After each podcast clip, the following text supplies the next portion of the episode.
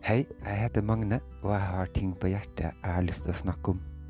Velkommen til Formiddagsprat med Magne.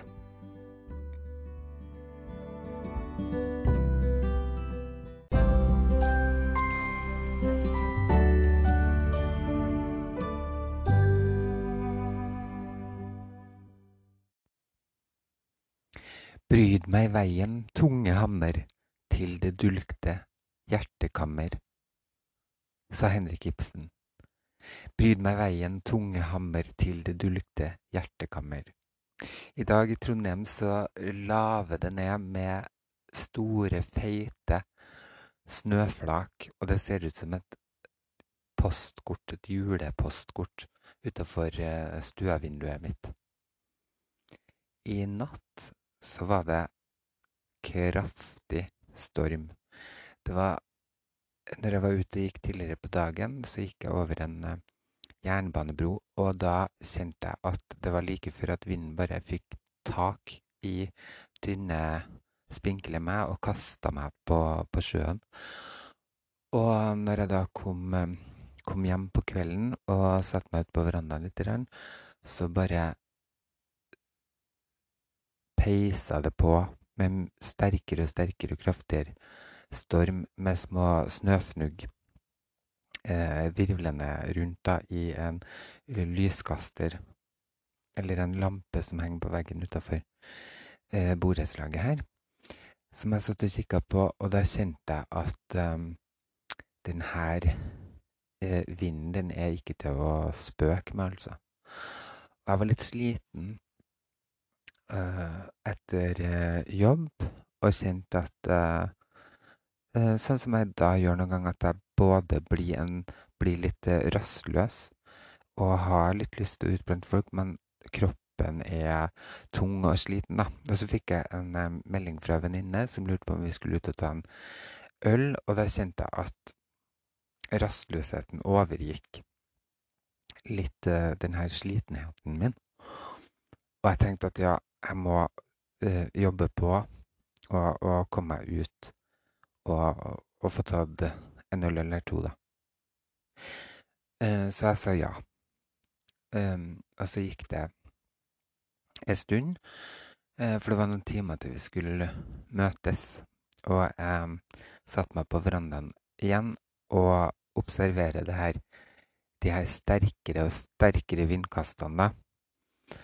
og kjenner at en slags uh, angst bygger seg opp i meg, og jeg går inn og sjekker værmeldinga, som egentlig ikke er så lurt av meg, men jo da, det er, det er sikkert lurt òg. Og der var det sånn varseltrekant på værmeldinga, der det sto at det kunne være kom innmari sterke, sterke kast. Um, og de har sånn fargekode, da. Gul, oransje og rød. Ekstremværfargekode. Og gul er liksom ja, den mildeste av de, men det er fare, da. Man skal være litt uh, oppmerksom. Uh, oransje, da er det um, enda større fare, fare for liv. Og rød, da er det livsfarlig. Um, og den der gule fargen gjorde meg litt uh, nervøs, da. Og jeg tenkte at hvis de her værmelderne mener at, at det er moderat fare, så er det jo kanskje ganske farlig, da. Så, så, angsten begynte jo å bygge seg litt opp i meg, og når jeg hører den ulinga det rister i veggene, så tenkte jeg hm, kanskje jeg ikke tør å bevege meg uh, ut. Og det er jo kanskje Det er jo litt, sikkert litt bra, det. Sånn at, uh, at jeg ikke setter livet mitt i fare. For jeg er jo tross alt, uh, som sagt, en spinkel person, og denne vindkassen kan jo kaste meg på sjøen. Selv om jeg ikke skulle gå, gå ved sjøen, da. Men da er det kanskje noe løse planker eller et eller annet som kan kastes i hodet på meg så jeg døver eller noe. Men øh, men jeg prøver også å jobbe litt med det her redselen for ting. Da, at jeg ikke skal være så innmari redd og kaste meg litt ut i ting sjøl om det kanskje er litt farlig og sånn. Så det er noe som jeg, jeg driver på og, og jobber med. Da. Men så kjente jeg at nei eh, Den her eh, slitenheten i meg gjorde at jeg eh, også ble veldig trøtt. Og den her angsten i meg kan, kan være sånn noen ganger at hvis at den får overtak, så blir kroppen også helt, helt utmatta. Jeg klarer, klarer, ikke å få gjort noen ting. Altså. Så da mm, eh, sendte jeg melding og avlyste eh, den her ølen. Og da, da, kjente jeg også litt på det at det liker jeg heller ikke. Jeg liker ikke å, å være den som avlyser eh, en halvtime før eller sånn. Før en avtale, da. Eh, men, men, det gjorde jeg. Og det fikk meg også til å tenke mye på det her med eh, ja, angst og depresjoner og og sånne ting som mange av oss uh, kan ha i større eller mindre grad. Um, og hvordan vi forholder oss da til, til, menneskene rundt oss. Og da begynte jeg å tenke på det at uh, jeg også har venner som kan være litt sånn at de Eller venner og og bekjente og folk da som skal avtale med, som kan finne på å avlyse rett før, og jeg kan synes at det er um, Ja, noen ganger kan jeg føle at det er respektløst, eller at det er bare veldig irriterende. da. Og så kunne jeg vært på den andre sida sjøl, at jeg har, uh, har uh, avlyst avtaler, da. Sånn som jeg gjorde denne gangen nå, men da tenker jeg liksom at ja, men det er ikke så farlig, og Ikke sant? Men, um, men jeg prøver å ha det som en sånn standard, da, at jeg ikke, ikke skal gjøre det. Og så uh, har jeg også tenkt mye på det her at vi må prate med hverandre, og når det gjelder uh, psykiske lidelser og alt det der, at vi trenger å, trenger å prate om ting, da. Og så blir det sånn, gang, sånn en gang da at at uh, skal jeg sende den meldinga og si at vet du hva, nå har jeg angst, det her takler ikke jeg, uh, og, og, og, liksom bare legge all min angst på bordet. Men så kjenner jeg også det at det er ubehagelig for meg, for jeg har ikke lyst å bli forbundet med det. Jeg har ikke lyst til at folk skal behandle meg som en glassgjenstand, da. Og det har jeg kjent litt på noen ganger, at, at hvis at jeg er for åpen om, om ting, så kan folk tror at jeg er skjør når jeg ikke er det. For jeg er jo også veldig sterk. Jeg er en sammensatt person. Jeg har ikke lyst å bli en glassfigur for noen, da. Um, men samtidig så var det også veldig befriende å bare skrive en melding til hun venninna mi og skrive at uh, vet du hva, det her takler jeg bare ikke. Sånn er det bare nå. Nervene mine er frynsete, og nå, nå legger jeg meg ned. Og fikk dessverre, svar ja, men det går helt fint, og vi, vi har det da til gode, og, og sånne her ting. Det kjente jeg at det var en sånn, sånn ro. Så det er sånn godt òg, da, at vi kan prate sammen om ting og forklare og, og være litt ærlig. Eh, samtidig som jeg eh, sliter litt med den der balansen, da, med å og uh, hvor ærlig skal jeg være, og når, når skal jeg lyge, og ikke sånn. For noen ganger så tror jeg også at det kan være bra å lyge litt. Um, for det er ikke alt som trenger å snakkes om til enhver tid heller. Um, det, det, tenker jeg litt på. Det der med å si ifra også. Uh, jeg husker det var en sånn undersøkelse om Det var vel damer i en viss alder da, som var sånn statistikk på hva, hva har uh, vært best for deg med å bli voksen eller eldre, eller noe sånt, så var, var svaret mm, Jeg er blitt flinkere til å si fra. Og det kjenner jeg litt på at det er en befrielse å kunne si fra om ting som jeg syntes var vanskelig tidligere. Være litt klarere og tydeligere og sånn. Uh, men så har jeg også observert Og det er gjerne damer, da, men jeg tror ikke at det Jeg vet ikke om kjønn er som jeg sier. Men men det der med voksne mennesker som skal si fra om alt i hytt og pine, kan være pain in the ass eh, også, da.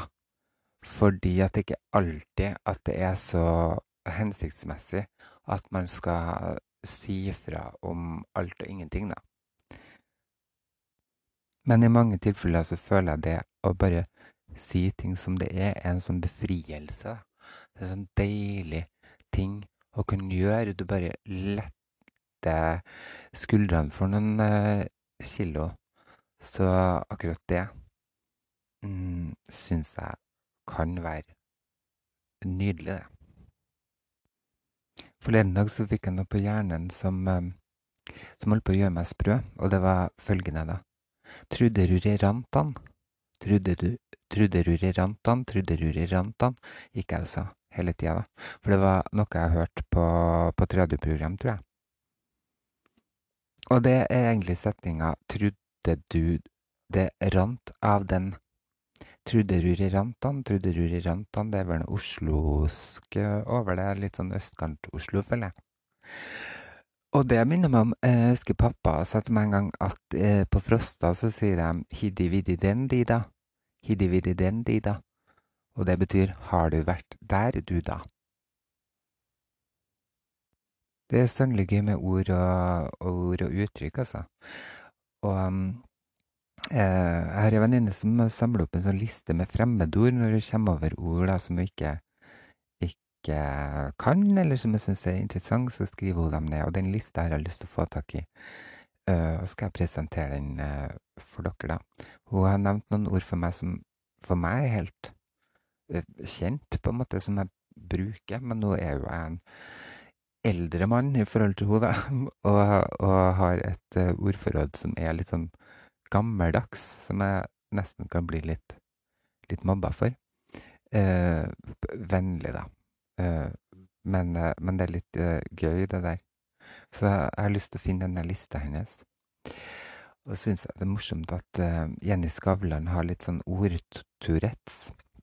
At hun av og til, hvis ting blir for, for stivt og pyntelig og ordentlig, og sånn, så får jeg lyst til å si liksom stygge ord og bannes litt, eller fortelle en grov vits og sånn. Det kan jeg kjenne meg igjen i, for det, er sånn her jeg er sjøl. Og jeg har en historie om det, men den er litt for Jeg synes, jeg er litt redd for at den er litt for grov, men kanskje jeg tar den en dag, da. Eh, det handler om at jeg var i et bryllup, og så, og, og så sa jeg noe som jeg kanskje angra litt på etterpå. Hmm. Uh, et annet, en annen sånn setning da, som jeg har funnet i det siste, som jeg syns er, er, morsom. Det er, stammer fra en bygdeoriginal eh, som min eh, lærer på barneskolen, kanskje litt ungdomsskolen, eh, skrev i en sånn gruppe på, på Facebook da, om bygda mi.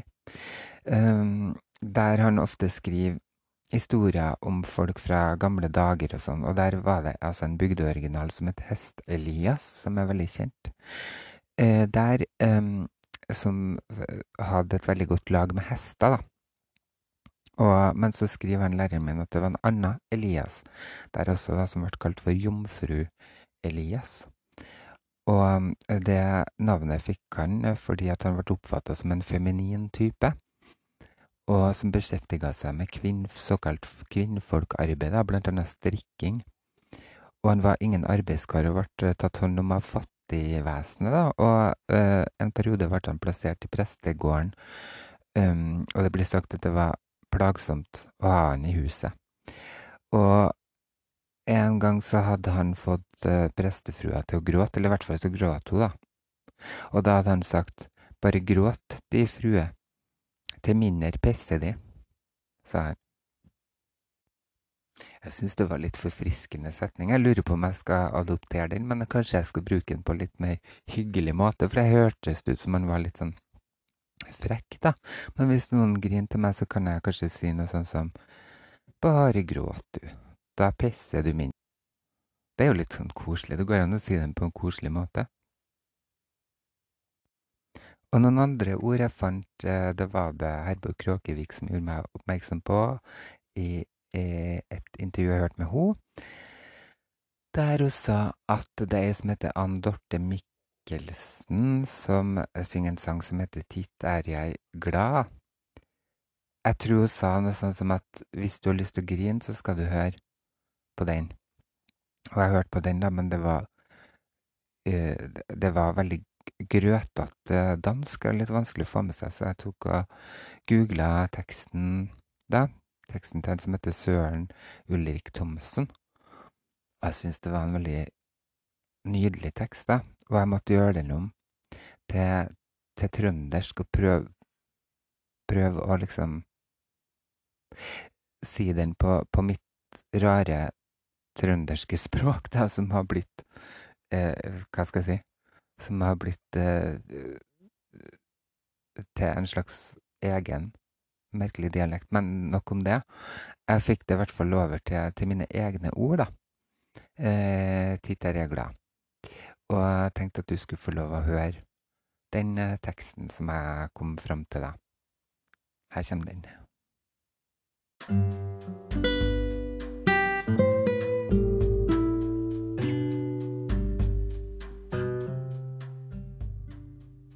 Ofte er jeg glad, men vil så gjerne grine, for det er ingen hjerter som deler gleden min. Ofte er jeg sorgtung, men så må jeg flire, for det er ingen som må se hvor min tåre glir. Ofte vil jeg elske, men så må jeg sukke, og så tar jeg tak i hjertets dør og lukker. Så blir jeg forbanna, men smiler litt fordi de er jo idioter, og det gjør meg blid. Ofte er jeg varm, men fryser i hjel i hjertet. Og verden tar imot meg og klemmer sund min smerte. Ofte er jeg kald, men rødmer å bli het. For verden slukker aldri all min kjærlighet. Ofte snakker jeg mens jeg vil holde kjeft. Ordene fikk en svulst som utvikla seg til kreft. Ofte er jeg stille, men ønsker tordenrøst for å tømme ut driten som svulmer i mitt bryst. Er du der, den ene som tåler all min glede, og sorgen som i hulk spyr ut harm og vrede? Er du der som ser meg, og som elsker meg? Da kunne jeg være som jeg er hos deg.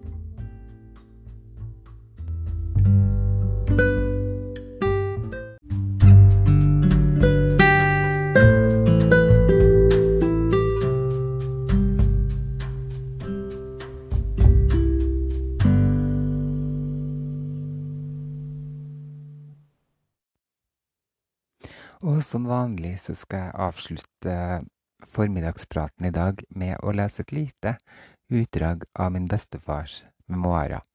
Han er altså ute på, eh, på sjøen nå på en finsk skute, og de har drevet tukla med noe ølforsyninger eh, som, som de har i båten, da. Og øh, har holdt på å putte tomflasker i noe i noen esker da, og late som at det fremdeles er øl der. Så de kan bli overraska, de som skal få den lasten, da, med noen esker som inneholder masse tomme ølflasker. For de var veldig glad i øl, den gjengen der. Så nå skal jeg lese litt grønne videre fra bestefars memoarer. Og nå kom taugbåten med salpeterslektere og så børjade de lasta salpeter. Det var særskilda stuvare som holdt på med det, for det var et tungt jobb. Hver sekk vegde hundrede kilo. Lokket var som en liten bondgård, en stor hønsbur med en fin tupp på seks høner. I Valparaiso hadde skjepperen kjøpt to store griser så det så inte ut som vi kom til at det svelta på turen rundt hørnet. Det så ut som hele Stillehavet var fullt av fisk. Var man såg så spratt det av fisk. Fåglar var det også mykket av, særskilt pelikaner. Andre styrmann sto og betraktade dette fiskeriket en stund og undrade om det inte skulle gå at få tag på noe av dette. En morgen ved fyratiden, når de kom opp på dekk, kommer andren med jollen lastet av fisk. For å få tak på all denne fisk hadde han hatt krut på en flaske og sprengt. Sedan så var det bare å plukke inn den med hendene. Ja, Andren var en omøyelig mann. Nå er det internasjonalt forbudt at fiske med sprengemnen, men det var vel ingen som så det, så han det seg. Det var en reial Karl. han kunne allting. Han kunne være i lastrommet og på bryggene, og han kunne fiske. Han kunne til og med supe. Kokken, han var likadan. Han var til alt, han også. Han lagde ekstra mat til offiserene, og han serverte dem, og han eh, lagde såpass mykje mat til oss at vi kunne få påfyllning, som annars aldri hendte om bord i en seilskute. Ja, så ble vi ferdig lastede og kunne sette nesene om svalere trekter, til eksempel Kaporn. Da lokket var fullriggere, var hun en snabbseglare og hun kunne seile nu også, når det bare var noen som skjøtte den saken. Det fantes en mann om bord som kunne seile, og det var første styrmann. Vi fikk nesten for det meste sette segel når vi kom på vakt, for når det blåste lite. På andrens vakt så kom skjepperen og gjorde fast noen av seglene. På veien ned til Kapp Horn slakta det kokken den ene grisen, så vi fikk blodkorv og mye annet godt.